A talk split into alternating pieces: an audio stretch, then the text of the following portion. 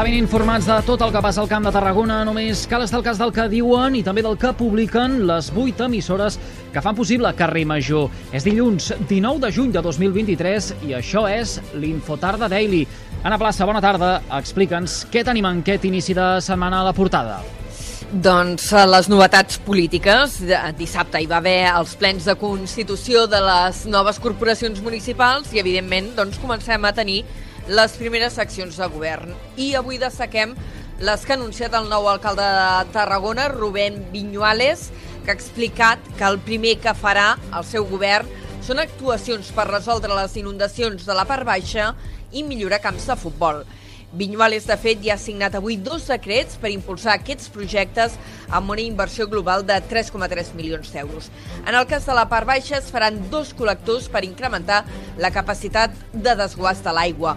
La primera fase es licitarà en les pròximes setmanes i comptarà amb un pressupost d'1,3 milions. El nou alcalde de Tarragona ha remarcat que això eh, que d'aquesta manera es dona resposta a una problemàtica històrica. Com bé sabeu, aquesta ha estat una de les demandes on fins i tot els veïns i veïnes han hagut d'organitzar-se per tal de poder reclamar d'una manera ferma un compromís de l'equip de govern. Per això, aquest primer decret volem que sigui per una situació que afecta el dia a dia, a la salubritat i a les condicions de vida més essencials dels veïns de la part baixa. En la seva primera compareixença com a alcalde, Rubén Viñuales assegura que l'Ajuntament de Tarragona té capacitat inversora per fer front a projectes com aquests. Montse Adán i Berni Álvarez lideraran les àrees econòmiques i d'esports del nou cartipàs municipal de Tarragona. Eh, concretament, Adan, eh, que s'ha incorporat, recordem, a la llista dels socialistes com a independent, s'encarregarà de les regidories de turisme, desenvolupament econòmic, comerç, ocupació, promoció de la Setmana Santa i Europa Direct. En el cas de Berni Álvarez s'ocuparà de la Conselleria d'Esports, d'Educació, de Turisme Esportiu i Voluntariat.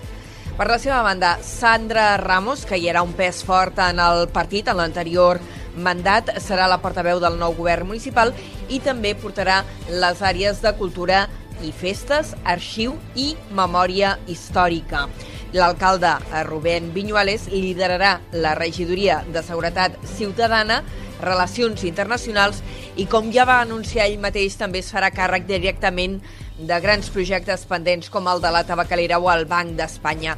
I en una altra àrea sensible, com és la de territori, hi trobarem a Nacho Garcia, que també s'ocuparà de béns, patrimoni i domini públic.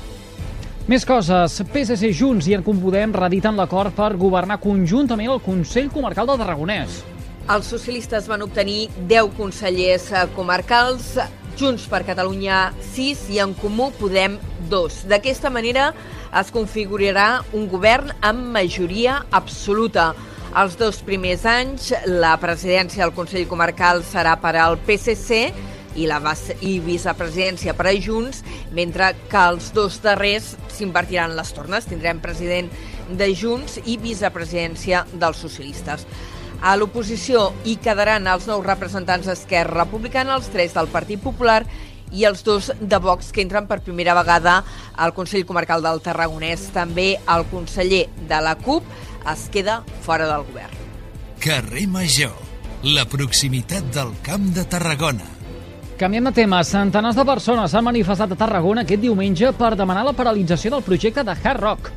Durant la protesta que va plegar unes 2.000 persones i comptava amb l'adhesió d'una setantena d'entitats, el portaveu de la plataforma Aturem Hard Rock, Eloi Redon, va anunciar que la Comissió Territorial d'Urbanisme ha ajornat de moment l'aprovació del pla director del macrocomplex que inicialment estava previst per aquesta setmana. Aleshores, això veiem que és una mostra de que la força popular, la lluita que estem portant al carrer aquests dies, totes les informacions que estem traient gràcies a la investigació i als mitjans, veiem que tota aquesta força està fent retrasar cada vegada més l'aprovació d'un projecte que no té cap mena de sentit.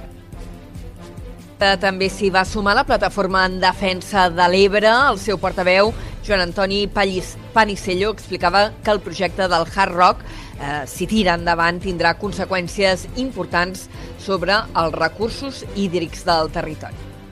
Més coses, Unió de Pagesos organitza una tracturada fins a Madrid per al pròxim 5 de juliol per exigir ajudes davant de la sequera.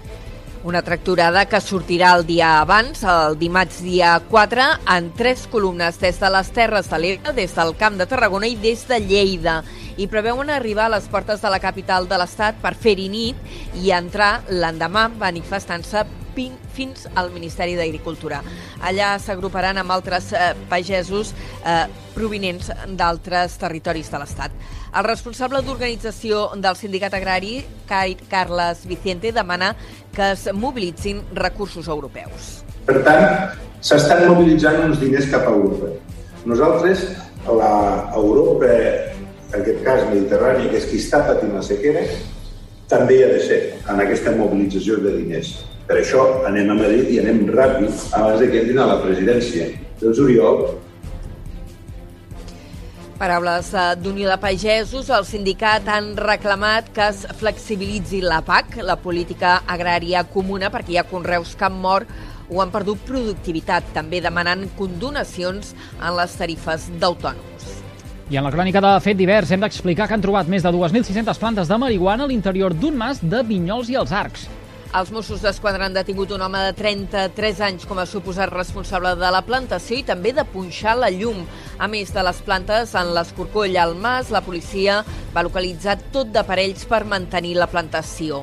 El detingut ha declarat ja comissaria, ha quedat en llibertat amb l'obligació de presentar-se al jutjat quan sigui requerit. Carrer Major és proximitat. I en cultura, un sol radiant ha guanyat el premi al millor llargmetratge a la quinzena edició del FICAT, el Festival Internacional de Cinema en Català que s'ha celebrat a Roda de Barà. La pel·lícula guanyadora és un projecte col·lectiu de Mònica Cambra, Ariadna Fortuny, Claudia García de Dios i produït per Atiende Films. El premi al millor documental ha estat per Alteritats, dirigit per Nora Habat i Alba Cross, i el millor curtmetratge s'ha atorgat al tren de eh, l'alegria dirigit per Jordi Buquet. Carrer Major, fent camp de Tarragona. Va, que dit tot això, hem de conèixer quin temps ens espera de cara a les properes hores. Connectem, doncs, amb el Servei Meteorològic de la xarxa de comunicació local, Lluís Mi Pérez. Hola, molt bona tarda. Un temps variable el que estem tenint aquest dilluns. S'han produït molts ruixats de curta durada amb alguns trons, però amb molt poca quantitat d'aigua i, de fet, al llarg de les immediates hores, fins a aquesta mitja tarda, encara a qualsevol comarca s'espera algun xàfec, però ja diem, efímer i amb molt poca quantitat de precipitació. A més a més, acompanyades de fang, aquestes pluges intermitents, també amb algun tro. I la temperatura força agradable, de fet serà càlida i xafogosa, amb vent que s'anirà accentuant arran de mar, fent que hi hagi fins i tot maró, per tant mala mar, al llarg d'aquesta tarda, especialment a la costa barcelonina. Pel que fa el dimarts, un temps emblanquinat, els núvols no s'acabaran de desfer, sobretot a Ponent, amb algun ruixat al Pirineu Occidental, a la resta alguna gotellada de fang molt poc destacable, i encara demà amb aquest vent que sobretot al matí bufarà arran de mar, i una temperatura que fins i tot demà té ganes de pujar una mica més, i sobretot la humitat, per tant, la xafogó. Ho seguirem a la xarxa.